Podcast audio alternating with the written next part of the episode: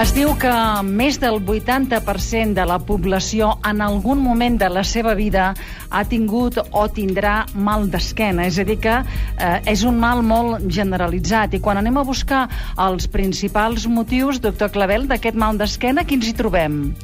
Bueno, sobretot eh, aquest mal d'esquena, que diguéssim és el més prevalent, el que té més gent, normalment és un mal d'esquena d'origen muscular i que passat uns dies doncs, de tractament analgèsic i de repòs eh, els pacients es recuperen i el dolor marxa, no? Eh, després hi ha un altre tipus de mal d'esquena, doncs el que no marxa, i aquí les causes poden ser vàries, però bueno, eh, sobretot eh, diguéssim que està provocat per un desgast, per una degeneració de, del disc intervertebral, no? de la unitat eh, intervertebral que hi ha entre, entre una vèrtebra i una altra, eh, que, es, que es desgasta amb l'edat, eh, tots ens degenerem i d'aquí pot venir el dolor. Sílvia, si et sembla, podem Sí. posar exemples molt concrets, perquè des de que hem plantejat aquest tema, el xat que no para. Deu ser ben Molt veritat bé. que el mal d'esquena és un mal molt estès. Sí. Ara, per exemple, hi ha un oient a través del Facebook que ens diu que té una desviació de la columna, d'aquí li ve el, el mal d'esquena. Ens diu que és hiperlordosis i actituds psifòtiques, diu així. Sí. Diu, d'adolescent vaig fer rehabilitació, si no fos tan car, ara faria pilates amb un professor particular, però no m'ho vaig permetre. Natació em van dir que sí que em podia fer, Uh, però fent-ho bé, fent un curset, suposo que ho diu perquè no tothom, a vegades hi ha qui es llença a la piscina i mai més ben dit, nedar, sí. però l'important ens diu és enfortir la musculatura, li van dir. Sí, no, no, això és importantíssim. No? Jo penso que, de fet, la manera de, de la prevenció o la, la principal manera de prevenir el mal d'esquena és mantenir-se físicament actiu, eh, caminar, nedar, sobretot esports que no suponguin un traumatisme sobre l'esquena, no? Evitar el sobrepès. Jo penso que totes aquestes mesures eh, són importantíssimes no? al llarg de la vida d'una persona i no s'ha d'esperar a tenir mal d'esquena per, per portar, per, per dur a terme aquestes activitats. No? Uh -huh. Ara, vostè diríem amb el que és especialista, si haguéssim de parlar de la novetat, és aquesta operació de substitució del disc intervertebral lumbar, si ho dic bé, eh, doctor Clavel. Sí. En què consisteix i en quins casos està recomanat?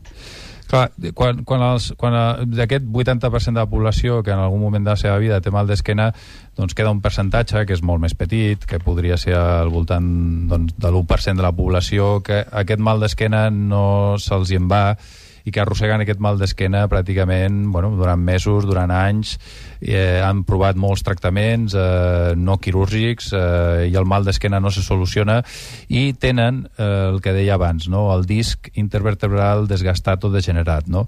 I segurament oients que, han patit, que, estan, que pateixen mal d'esquena saben del que estic parlant. Avui en dia la cirurgia, diguéssim, eh, que s'indica en aquests casos és la fusió de les vèrtebres, la fixació de les vèrtebres i eh, bueno, com a, com a diguéssim, eh, cirurgia exclusiva o única que proporcionem nosaltres és la col·locació entre aquestes dues vèrtebres, en lloc de fixar-les, col·locar una pròtesis de disc que fa que eh, el moviment entre les vèrtebres es mantingui. No? Ve a ser el que avui en dia és la cirurgia doncs, de pròtesis de rodilla o de pròtesis de cadera, uh -huh. que ningú no pensaria doncs, que si l'anessin a operar una cadera molt gastada o un genoll molt gastat, li fixarien aquesta cadera o aquest genoll. No? El que vostè fa és una tècnica, per tant, eh, menys invasiva que la que hi havia ara, no? Es treballa per davant i no per darrere. Efectivament, a l'abordatge al ser per davant doncs no obrim eh, la musculatura de l'esquena, que és molt important, eh, i que, de fet, eh, aquestes incisions, quan es fan fixacions de l'esquena, doncs aquestes incisions poden at atrofiar la musculatura i provocar un dolor a mig i a llarg termini que pot ser crònic només per, per aquestes incisions tan doloroses. I després també eh, no hem de manipular els nervis. Quan un opera l'esquena per darrere ha de rebutjar els nervis cap a un costat, eh, es, es fiquen cargols eh, que posen en risc els nervis. En canvi, eh, l'abordatge anterior doncs, eh, no ens trobem res de tot això. No obrim la musculatura de l'esquena i no hem de manipular els nervis per res. No? Per tant, la recuperació és molt més ràpida mm. I sobretot és que no hi ha aquests riscos. No? I, I això es nota en l'evolució dels malalts. No? Els malalts eh, el dia següent estan aixecats... Eh, Aixecats l'endemà, en 24 hores. Sí, sí, sí, sí, sí. estan aixecats l'endemà, els dos, dos, tres dies eh, se'n van cap a casa, i sobretot aquests dolors que veiem postoperatoris dels malalts fixats i de vegades fins i tot eh, passat uns mesos i, i algun malalt fixat no va bé i li queda dolor crònic, eh, doncs això no ho estem veient amb aquesta cirurgia de pròtesis de disc. No? És, és que és la cirurgia que per lògica toca eh, fer no? en, en, en, cas, en aquests casos. No? Vull dir, jo penso que ja no té sentit fixar les vèrtebres. No? Uh -huh. Vostè fa temps que hi treballa, eh? perquè vostè és especialista en neurocirurgia i suposo que ha anat buscant la fórmula d'arribar a tirar endavant aquesta tècnica pionera. Sí, sí, sí, clar. Eh, jo fa anys que em dedico eh, pràcticament eh, només a l'esquena i a la cirurgia de l'esquena i bueno, he passat per totes les fases i per totes les tècniques no? eh, per mi aquesta és diguéssim, eh, i estic parlant sobretot ara a nivell de la columna lumbar perquè a nivell cervical no hi ha discussió sí. es posen pròtesis cervicals eh, molt sovint, eh, però a nivell lumbar eh, jo penso que eh, per mi és la cirurgia eh, no sé, és com si un hagués arribat a, finalment a, a trobar la cirurgia que realment funciona eh, d'una manera quasi perfecta, no? Els Però, malalts van molt bé. Doctor Clavel, eh, si realment tinguéssim aquesta musculatura enfortida, forta, caldria que anéssim a, a la cirurgia? És a dir, molts mals d'esquena no s'arreglen amb, primer amb rehabilitació i després amb això, amb fer que els músculs estiguin eh, ben tonificats? Sí, sí, bueno, és el que parlàvem al començament, no? que, que, que, que jo penso que això és clau, això que acaba de dir, que la gent eh, eh, mantingui una, una activitat física, que no s'engreixi, eh, el tabac també és una de les causes que degenera els discos, eh, per tant... Sí, val, eh... perdoni, fer piscina de qualsevol manera, perquè la majoria dels oients estan dient que ells pel mal d'esquena el que fan és anar a la piscina. No, la, la natació és poder el millor esport que es pot fer. Però qualsevol tipus de natació va bé?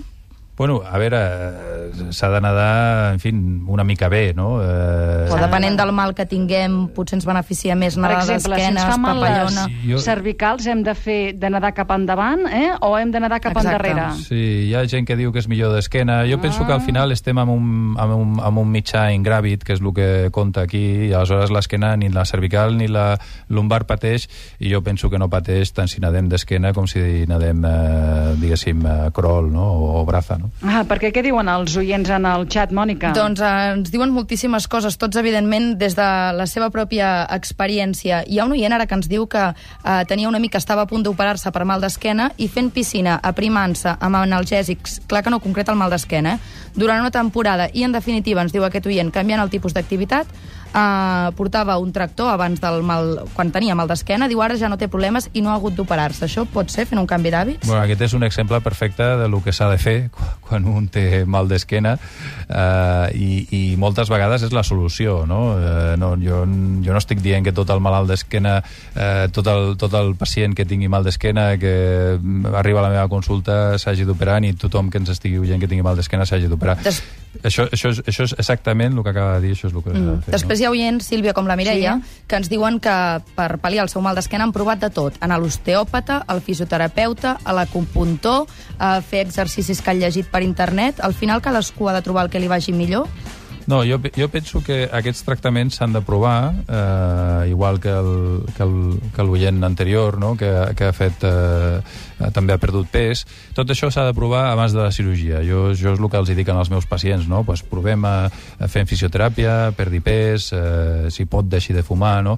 I, i molts malalts, eh, faci esport, perquè hi ha molta gent que no fa esport, el sedentarisme també és una causa del mal d'esquena, i molts pacients milloren, molts pacients milloren. Hi ha un tema que també em sembla molt interessant, que és el del matalàs, perquè ens passem ah, moltes sí? hores dormint i els oients també s'interessen per quin seria el, el millor matalàs. Per exemple, hi ha un oient, la Glòria, que ens diu que ella dorm amb viscoelàstics i que des de que hi dorm doncs, eh, s'ho ha notat molt. Sí, Bueno, és, amb això del matalàs eh, hi ha discussió, no? Jo, jo crec que al final es tracta del matalàs que li vagi bé... Amb una... Avui en dia tots els matalassos són bons, no? Vull dir, no, no, no estem parlant de matalassos excessivament d'usos, ni tampoc interessa el matalàs que és excessivament tou, no? D'escuma, de, per exemple, no? Aquests que hi havia antigament però avui en dia doncs, viscolàstic o de làtex o, mm. o d'aquests de flex de, que, que venen ara, jo penso que tots van bé, no? A veure, a partir dels 30 anys els nostres discos vertebrals es, es deterioren i amb això no hi podem fer res? Pues no, no, no, la veritat és que la... Vostè degen... que inventa tantes coses, no podria... podríem inventar alguna cosa, no? Per, per evitar la degeneració, Clar. ojalà, ojalà. S'està investigant, eh? El que passa és que eh, la degeneració és, un, bueno, és, és algo inherent a la condició humana, no? Vull dir, ens fem grans, eh, eh, tampoc abans vivíem tants anys, no? I, i ara, pues, eh, això, clar, eh, estem vivint molts anys i ens anem desgastant, no? Degeneració, al final, es desgaste de les articulacions que són les que suporten cada dia doncs, el nostre aparell locomotor, no? Ens movem gràcies a les articulacions. Les motxilles escolars, quan haurien de pesar, doctor Clavel? Ui, Ui, Quina aquesta, pregunta. aquesta és de nota, eh? Aquesta és de nota. Sí, perquè a part jo tinc un fill petit, el més gran Ah. té dos anys i mig, encara no porta Sí. motxilla... Bueno, ara comença a portar motxilla, no? Jo, jo, jo crec que això aquí també és una mica la lògica, no? Vull dir, no, no s'ha de portar excessi, eh, massa pes. Eh, avui en dia les motxilles també són, són bones, estan reforçades, i sobretot el que es tracta és de no portar molt pes durant molt de temps al dia i, i durant molts dies i molts anys de la, de la, de la vida d'una I persona. quan vostè veu la princesa Letícia amb aquells talons, pateix, O doctor Sílvia? Coppola, eh? Sílvia Coppola també va amb aquests talons tan, tan alts, eh? A vegades, jo ho he Què? vist, això. No, és Això és veritat, això, això, això és la llegenda. Què? Què diu, doctor? Bueno, eh, teòricament no, no van bé per l'esquena, no? Els, Teòricament. Els talons. No, no, bueno, teòricament i, i a veure... Teòricament i a la pràctica. El que passa és que queden tan bé amb les dones, perquè a mi m'agraden molt, però jo, jo crec que, bueno, eh, tornem a lo d'abans, no? Poder no portar eh, talons massa... el- Els excessos mai són bons, no?, amb, amb res de la vida, no? Aleshores, portar talons massa alts o portar-los massa temps, eh, poder això no, no, no, no convé, no? Hi ha una, Sílvia, perdona, Sí. hi ha una consulta molt concreta. L'Anna ens escriu per dir-nos que li han diagnosticat una mielopatia cervical de la C5 i C6 i diu que l'han d'operar i que té molta por. Pregunta Ostres. si hi ha alguna altra solució.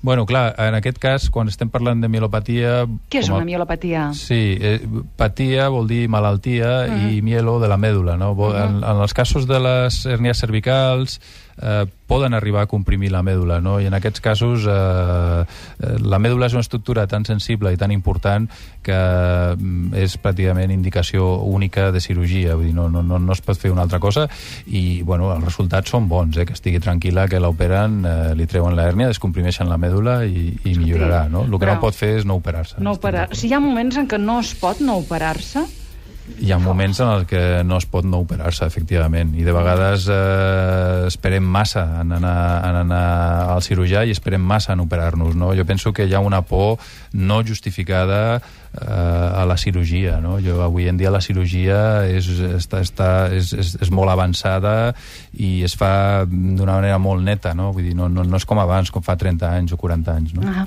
Arribem gairebé a les notícies de dos quarts i a la desconnexió, bueno, notícies així d'aquestes publicitàries. Tenim moltes preguntes. Què està passant al xat, Mònica doncs mira, ara parlen d'una fruita que jo personalment us haig de dir que, que no n'havia sentit a parlar abans i li comentava abans també al doctor durant la pausa publicitària.